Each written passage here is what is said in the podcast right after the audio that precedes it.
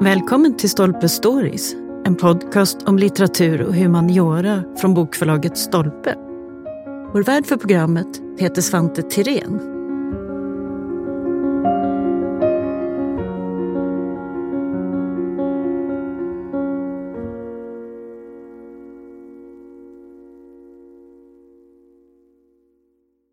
Boken Sampanerna från Kanton handlar om skeppsbyggaren och mångsysslaren Fredrik Henrik Chapman och hans samling kinesiska målningar med så kallade sampaner. Sampaner det är en båttyp som var väldigt vanlig i Kina förr i tiden. Och målningarna de hängde i det kinesiska kabinettet på hans landställe Skärva utanför Karlskrona. Och de ingick i hans stora samlingar av konst och böcker och annat som hörde till hans intressen. På Skärva så hängde målningarna kvar ända till 2014 då alla samlingarna såldes på auktion. Men tack vare den här boken kan man gå in och se alla detaljer i målningarna och i bokens essädel så skriver flera författare om just 1700-talet och bilden av Kina. Två av dem det är arkitekterna Kerstin Barup och Mats Edström som både forskat och skrivit om Chapman och landstället Skärva. Nu ska de berätta om hur det kom sig att en samling kinesiska målningar hamnade i just Sverige och hur man fortsätter att bevara sådana här berättelser för framtiden. Välkomna hit! Tack. Fredrik Henrik av Chapman, han föds alltså i Göteborg 1721 och dör 1808 i Karlskrona. Och han får ju en lång och ja, ovanligt framgångsrik karriär får man ju säga. Men hur kommer det sig att han blir just skeppsbyggare? Var det ett ärvt yrke? Ja, det fanns i familjen. Thomas eh, Chapman var engelsman, kom från Yorkshire och eh, tog värvning i den svenska örlogsflottan, blev sedermera både kapten och major. Eh, Susanne, alltså Chapmans mor, kom ju från eh, familjen Coulson. Hennes eh, far var ju en mycket känd skeppsbyggare. Så att eh, Redan som 19-åring så tog eh, Chapman eh, lära och eh, blev timmerman i skeppsbyggandet i, i, Göteborg. Så det var mer eller mindre självklart att det här skulle bli hans karriär. Och han verkar ju ha haft en medfödd begåvning för det också, får man väl säga. Ja, han hade ju en entusiasm och en vilja att lära sig skeppsbyggeriet. Eh, så han reste på studieresor och blev inspirerad. Han besökte ju bland annat Deptford och andra skeppsvarv i England. Kontakterna där fanns ju redan. Han kunde eh, se och upptäcka skeppsbyggeriet när det var som bäst. Viljan att utveckla var det som präglade honom. Det här är också en, en politiskt väldigt orolig tid, inte minst efter att Gustav III äntrar scenen här, gör statskupp 1772 och ska bygga upp en helt ny flotta för att, är det allfienden Danmark, är det det som är det stora eller vad, vad är det som pågår? Ja, och Ryssland. Och Ryssland också. Ryssland. Mm. Eh, nej, alltså Chapman tillhör ju de som blev adlad direkt efter kuppen 72. Så han tillhörde en inre krets kan man säga utav de nya som skulle göra Sverige större och bättre. Och eh, ganska snart så fick han ju uppdraget att flytta ner till Karlskrona och eh, sätta igång en, en slags löpande bandprincip av att bygga fregatter och kanonfartyg. Och han genomförde det. Så han blev ju ja, godkänd av kungen naturligtvis. Han levererade resultat. Han, levererade, då, ja, ja. Han, var, han, var, han var en entusiastisk organisatör, mm. så är han känd, som kunde få med sig folk och kunde hålla koll på att det blev saker gjort gjorda. Och, och, han hade då en vision av hur det skulle bli. Så att det här är en fantastisk industriell insats han gör under ganska få år eh, under tidiga 1780-talet. Och till Karlskrona ansluter sen Karl August Ehrensvärd, alltså sonen till Augustin. Och det blir ett fantastiskt eh, team Ja, för deras vänskap om man skriver kort, de är både vänner och kollegor och ganska, ska man säga, konstnärligt sammanlänkade också, eller hur ska man beskriva det? Ja, i alla fall kan man säga att det var väl kanske en, en, en lyckad kombination av två ganska olika personligheter. Men det de hade gemensamt var väl kanske visionerna om en bättre framtid och att mycket kunde göras. Av Chapman var den kreative, drivande ingenjören men Ehrensvärd, han var ju mera, ja, han var ju filosof, och konstnär och militär naturligtvis och hade ju av eh, börd en, en god rang i samhället naturligtvis. Och han var ju betydligt yngre, 20 år yngre än Chapman. Ja, ändå blev han ju överamiral och chef för eh, men Jag kan säga, det var väl rätt bra egentligen att man hade en sån där vidsyn så att eh, skeppsbyggaren Chapman byggde inte bara fartyg utan även hus. På varvet i Karlskrona står det fortfarande kvar ett stort antal utav de byggnader som Chapman har varit upphovsman till också. Han var ju lika rationell och eh, en föregångsman när det gällde att hitta effektiva sätt att förse flottan med byggnader för behoven också. Medan Ehrensvärd, han kunde inte rita hus. Men han kunde ju däremot teckna och rita och skissa och han hade idéer. Och han hade ju varit i Italien så han visste ju hur det skulle se ut. Till skillnad från Chapman. Och jag menar just den här kombinationen när när Ehrensvärd kom tillbaka till Sverige och till Karlskrona från sin resa till Italien som han hade fått tillstånd av sin pappa Augustin att resa på. Han sa bara du gör förnuftiga saker. Det är bara två saker du får lova mig att inte göra så tycker jag att du ska resa till Italien. Och det var att han skulle inte ägna sig åt eh, astrologi och inte teologi utan han skulle lära sig så mycket som möjligt på ett mera jordnära sätt. Och det gjorde han ju faktiskt också för han lärde sig ju om arkitekturen och konsten och förstod liksom värdena i antiken som hade fortlevt alltigenom i Italien till skillnad från det mera primitiva Norden som han såg. Samtidigt var han ju visionär så han tänkte hela tiden hur kan jag använda mig utav detta? Hur kan jag förflytta det fina jag har sett i Italien till Sverige? Är det här också tidstypiskt, alltså närheten mellan å ena sidan då ett eh, ja, ingenjörsgeni och en sån här konstnärssjäl som tar med sig inspiration från Italien? Är det kännetecken för den här tiden? Ja, det, det, det är precis vad det är frågan om. Ehrensvärd stod ju där i sin egen teckning mitt mellan det kalla Norden med sin eh, begränsade konstnärliga förmåga och Italien med sin högvärdiga erfarenhet från antiken och så. Det, det där för Ehrensvärd in någonting fantastiskt eh, visionärt som omsätts i viss grad utav Chapman. Det är inte bara skeppsbyggandet som upptar eh, av Chapmans liv. Han har också ett, ett privatliv. Och eh, Skärva, det är hans landställe alltså utanför eh, Karlskrona. När kommer det här till? Ja, alltså man ska komma ihåg att Ehrensvärd, Karl August Ehrensvärd, han kommer hem från Italien direkt till Karlskrona och det är 1782. Och han utnämns till eh, chef för Karlskronavarvet och man sätter sig och tänker igenom hur man ska bygga fler linjefartyg och eh, kanonfregatter och, och så vidare. Och under den här tiden så köper af Chapman själva egendomen och man tänker ut en plan om hur man skulle kunna uppföra ett spännande sommarställe och det blir till någonting helt annat än vad man hade gjort tidigare. Det blev en kombination av Italiens kolonner, den doriska stilen, den äldsta antika ordningen kombinerat med den blekingska stugan. Alltså ja, den... för det, det, är inte egentligen bara ett, ett sommarställe, det är också en slags eh, ex, idéexperiment. Hur ska man beskriva ja, det? Den, den, bygger på urhuset, det tidigaste huset, eh, alltså den enklaste stugan i kombination med den första ordningen av den antika kombinationen utav söderns och odlingen utav söderns konstnärliga egenskaper och det svenska. Jag tror att man eh, faktiskt också helt medvetet tänkte att eh, eh, hur ska vi kunna nå lite längre i det kalla Norden?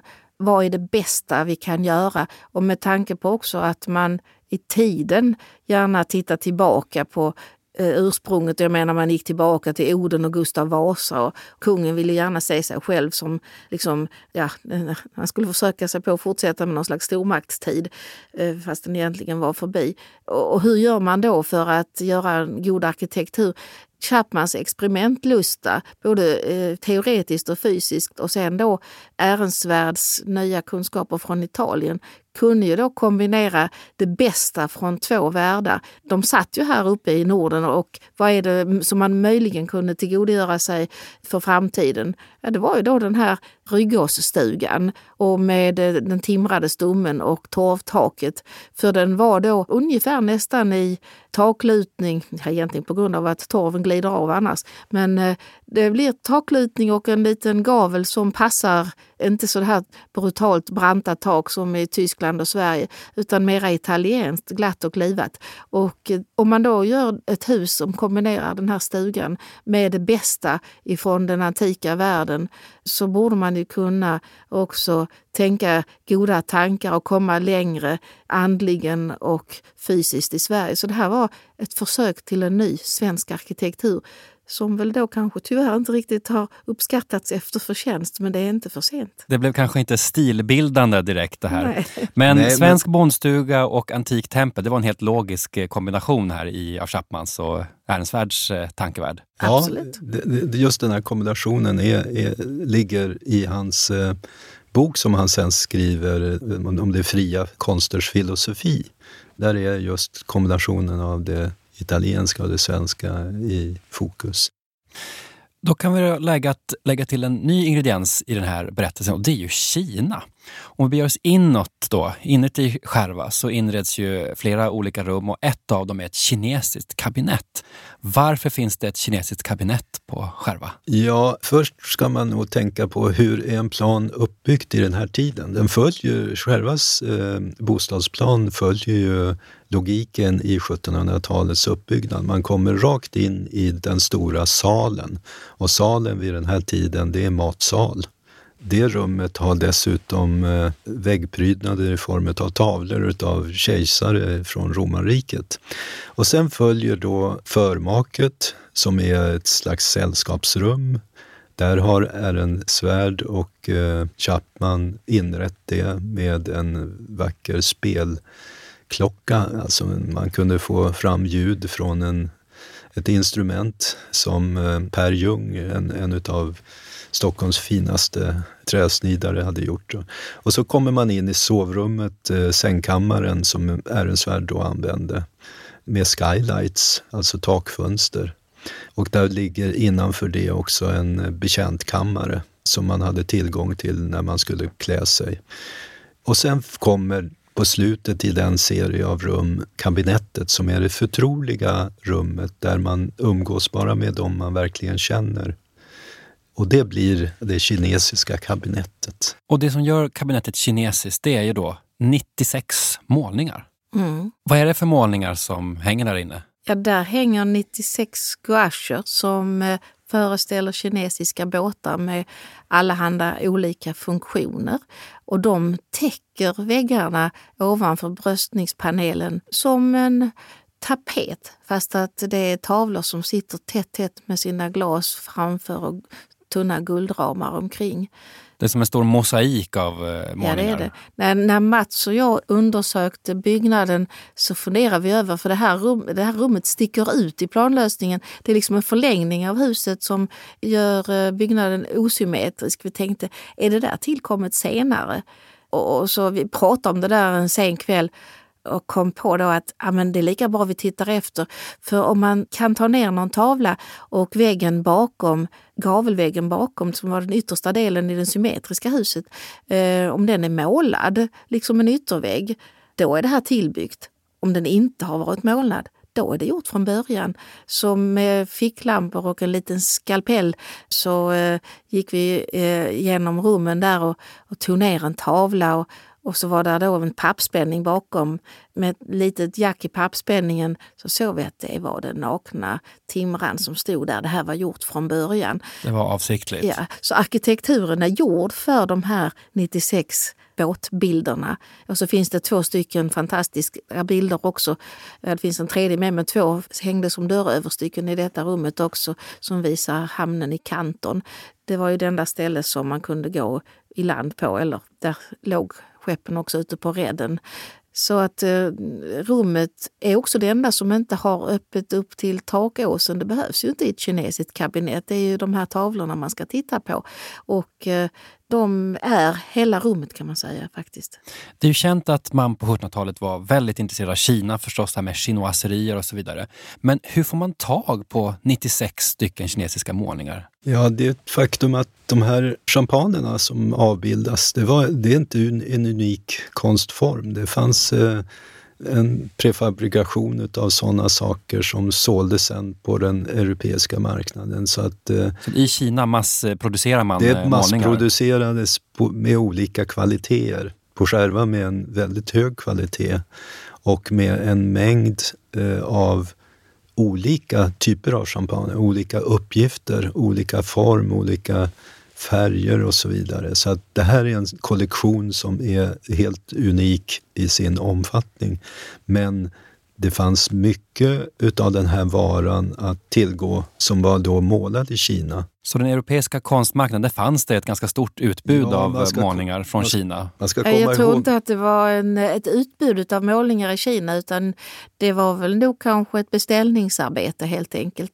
Af Chapmans bror Charles, han var kapten i Ostindiska kompaniet och man kan ju tänka sig att han kunde stå till tjänst med att plocka hem lite saker på beställning. Alltså de här tavlorna allihopa har eh, likartat målade hav, likartat målad himmel med lite tunnare färg. Och sen är själva båtarna då målade med lite kraftigare färg. Så man kan tänka sig att det här var nog också lite grann av en löpande bandprincip. Och sen har de då sina, all, alla är olika, alla har sina olika uppgifter att de säljer blommor eller grönsaker eller har med sig boskap eller allt mellan himmel och jord. Ja, det är som ett litet miniatyrsamhälle va, på vattnet. Alltså att det, som du säger, mm. det är, någon är bordell, ja. någon har någon religiös funktion, eh, försäljning. Det, det, är allt möjligt helt enkelt. Och det vet vi för det står på dem. Alltså det, det är någon som har, eh, ja dels så står det på det vad det är, sen Sen är det översatt också till svenska. Eh, så att eh, vi, vi vet liksom vad alla båtarna var till för. Jag kan tänka mig att det här var en väldigt trevlig conversation piece som det heter på modern svenska.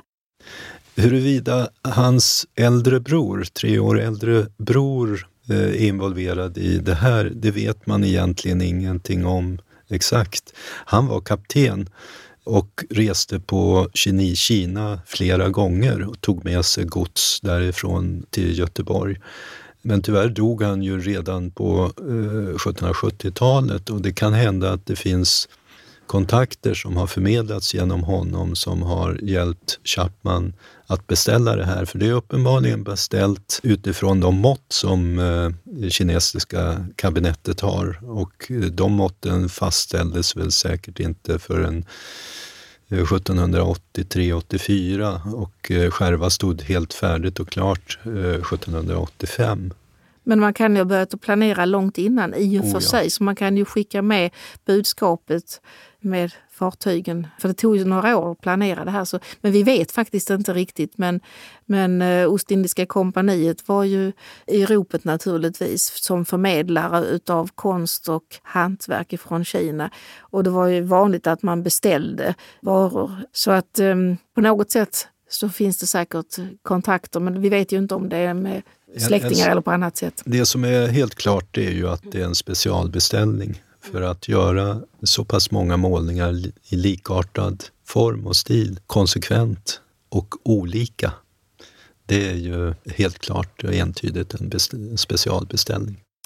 Och sampan det är ju alltså då en båttyp som egentligen är en flatbottnad båt helt enkelt. Sen kan de se ut på lite olika sätt. Mm. Men är de här konkret inspiration eller är det kuriosa? Vad är det för något? Alltså jag tror säkert att det är konkret inspiration. För Man kan ju tänka sig att alla de här fartygen som låg på redden i hamnen i Kanton eh, hade behov av allt möjligt. Jag menar, de måste ju ha mat och sysselsättning hela tiden när de var där. Och besättningen fick ju knappt gå i land. De fick ju bara gå i land möjligen på de här faktorierna som det hette, som var stora lagerhus för varor som skulle transporteras i eh, olika riktningar till och från västvärlden. Så att eh, nog behövde man mycket förnödenheter och eh, det är klart att det där var en, en affärsverksamhet i sig som alla de här små båtarna bedrev.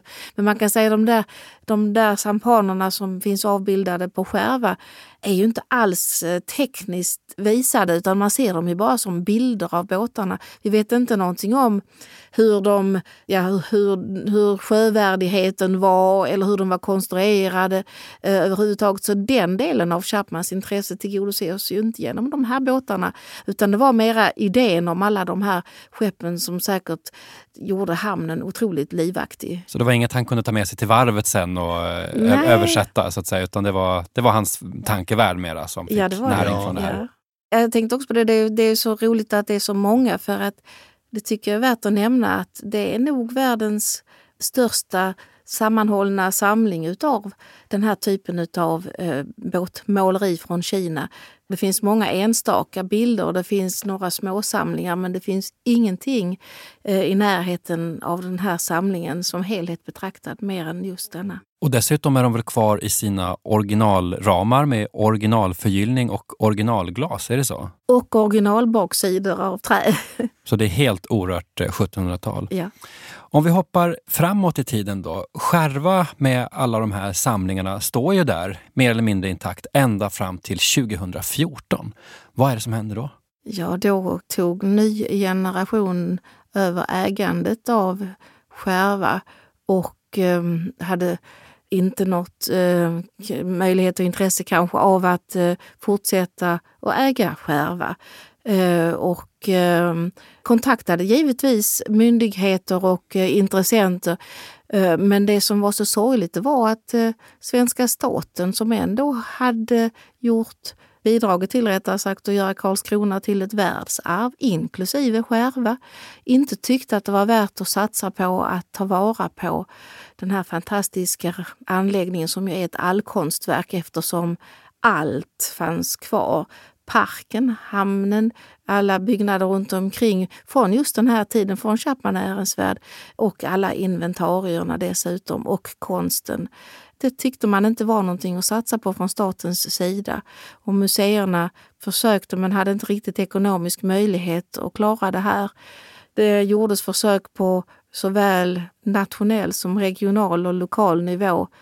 Men eh, man misslyckades. Så ehm, det gick på auktion och huset såldes separat, eller rättare sagt fastigheten såldes separat med sina byggnader från in, inventarierna och allt i interiörerna som såldes separat på auktion. Men som tur är finns det ju då regler i Sverige att vissa saker får inte säljas utomlands. För det fanns ju stort intresse, inte minst från Kina, då, för att ja. köpa de här målningarna. Men de belades med exportförbud. De, de här sampanerna och de tre stora målningarna som har en betydligt högre konstnärlig kvalitet och är unika i sitt slag. För så mycket bilder som visar eh, hamnen i Kanton på detta sätt eh, från svensk horisont där man ser de här svenska flaggorna och så vidare. Det finns inte. Så det blev två stycken utrop på auktionen. En med de 96 sampanerna och sen ett med de tre stora konstnärligt mycket högkvalitativa målningarna. Och vi var ju några stycken som helt oberoende av varandra hade pratat med eh, Nordstjärnan och tyckte att det kanske kunde vara någonting att bidra till att bevara det svenska kulturarvet. Nordstjärnan genom... som är ett gammalt rederi också då? Ja precis, ja. att man skulle kunna köpa den här samlingen och bevara den i Sverige. Och eh, i första steget så inköptes de här 96 sampanerna men det var faktiskt en kinesisk köpare som köpte de tre stora målningarna i första steget. Som ju inte fick föras ut ur landet men de hade en massa konstiga planer på hur de skulle klara det. Men det gäller ju att bida sin tid och så småningom kunde Nordstjärnan då även då införskaffa de här tre så att samlingen i sitt helt kompletta skick bevaras i Sverige. Och idag så har ju samlingen fått ett nytt hem då på ett annat världsarv, Engelsbergs bruk då i Västmanland, också en 1700-talsmiljö. Och sen gjordes den här boken då, Sampanerna från Kanton, där vi ser de här i naturlig skala avbildade och presenterade. Vad tänker ni? Samlingar kan ju splittras och byta sammanhang och så vidare. Men att sammanfatta det här i bokform, vad, vad betyder det för en sån här samling? Ja, det bidrar naturligtvis till att dels naturligtvis förstå vår historia och kontakterna med Kina och väcka nytt intresse i kontakterna via Ostindiska kompaniet och hela verksamheten. Och det väcker ett intresse för det här med båtar och sjöfart som ju har tappat i betydelse såklart efter att landvägarna har, och luftvägarna har blivit det som man eh, lättast tar sig fram med. Men för att förstå vikten av eh, båtar och sjöfart och förstå vår historia och våra kontakter, hur fantastiska de egentligen var för så pass länge sedan och hur det bidrog till spridning av kultur och historia och eh, teknik och kunskap och konst. Och att man då också faktiskt kan få titta på de här båtarna var för sig på bild i exakt samma format som originalen och att den samlingen finns liksom på det viset tillgänglig för, för alla som vill titta på den. Det tycker jag är fantastiskt bra. Man kan ju hoppas också att en bok ska inspirera till vidare forskning och studier. För hur ska man annars kunna veta att den här fantastiska samlingen faktiskt finns kvar? Och det är ju väldigt mycket som vi inte vet. Vi har ju bara krafsat lite på ytan. Det finns väldigt mycket mer som man vill veta. Så jag tror att boken kan eh, liksom öppna världar för forskare och för intresserade av väldigt många olika delar i den här berättelsen om sampanerna. Och vad säger du Mats, en bok, vad kan den göra i ett sånt här sammanhang? Ja, när den ges ut i så vackert format så är den ju en inspirationskälla. Och när vi sitter eh, hemma och bläddrar i boken så ger den en härlig känsla av vad som man åstadkom i den tiden. Vilka visionära tankar och idéer man hade och vilken kontakt med omvärlden som fanns genom eh, Ostindiska kompaniet och genom de relationer som man byggde upp under senare hälften av 1700-talet. Det här är ju en väldigt spännande tid. Alltså kontakterna mellan konst och vetenskap, eh, handel med Kina, olika idéer som förs fram och tillbaka. Vad hoppas ni att vi ska fortsätta forska om när det kommer till 1700-talet och den här spännande floran av idéer som av Chapman och Ehrensvärd representerar? Ja, det är en fantastisk eh, gryta av spännande saker som sker efter Gustav IIIs maktåtagande. Eh, det finns en, en, en, en spänningsverkan mellan konst och eh, den tekniska utvecklingen som gör att eh, det föds nya saker och det finns ett starkt intresse för makten att manifestera sin framgång i klassiska ideal. Eh, det är en tid där den doriska arkitekturen förs fram. Eh, jag har ju flera exempel av det både i Stockholm, Uppsala och på andra ställen. Så att eh, det är den tid som Sverige kanske kan utmana kontinentens eh, kulturvärden inom arkitektur och inredning. Och Kerstin, vad tycker du vi ska forska vidare på när det kommer till den här spännande tiden? Jag tror det här är ett bra exempel på hur vi kan lära oss ett sätt att arbeta. Vi har ju delat upp världen i vetenskap och konst och de möts inte så ofta. Det gjorde de i den här tiden. Tänk om vi kunde kombinera konst och vetenskap och förstå hur nära de hör samman och hur mycket rikare Eh, vi blir om vi kan arbeta tillsammans. Och vi ser också det här med arkitekturen som såklart ligger oss varmt om hjärtat. Att, att verkligen försöka att göra en, en god och ny arkitektur där man involverar både det svenska och det internationella och det funktionella och det konstnärliga att vi inte ser att eh, vi bara arbetar med en sak i taget utan det är ju först när man kopplar samman det. Det är ju liksom inte var sak för sig som är så intressant utan det är ju när, hur, hur hänger det samman och att man faktiskt får, häng, får det att hänga samman. Och i en sån fysisk form som arkitektur är, som ju också är liksom någonting som alla kan glädja sig åt, är det meningen. Om vi kunde lära oss att arbeta på det sättet och bygga in konsten i arkitekturen med bakgrundskunskap så tror jag att det skulle kunna leda ganska långt. Mm, det finns mycket som är värt att fundera vidare på här. Hörni, stort tack för att ni kom hit. Tack. Tack.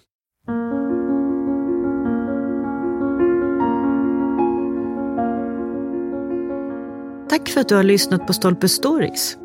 Missa inte att du som lyssnar har 20% rabatt på bokförlaget Stolpes titlar hos Bokus.com.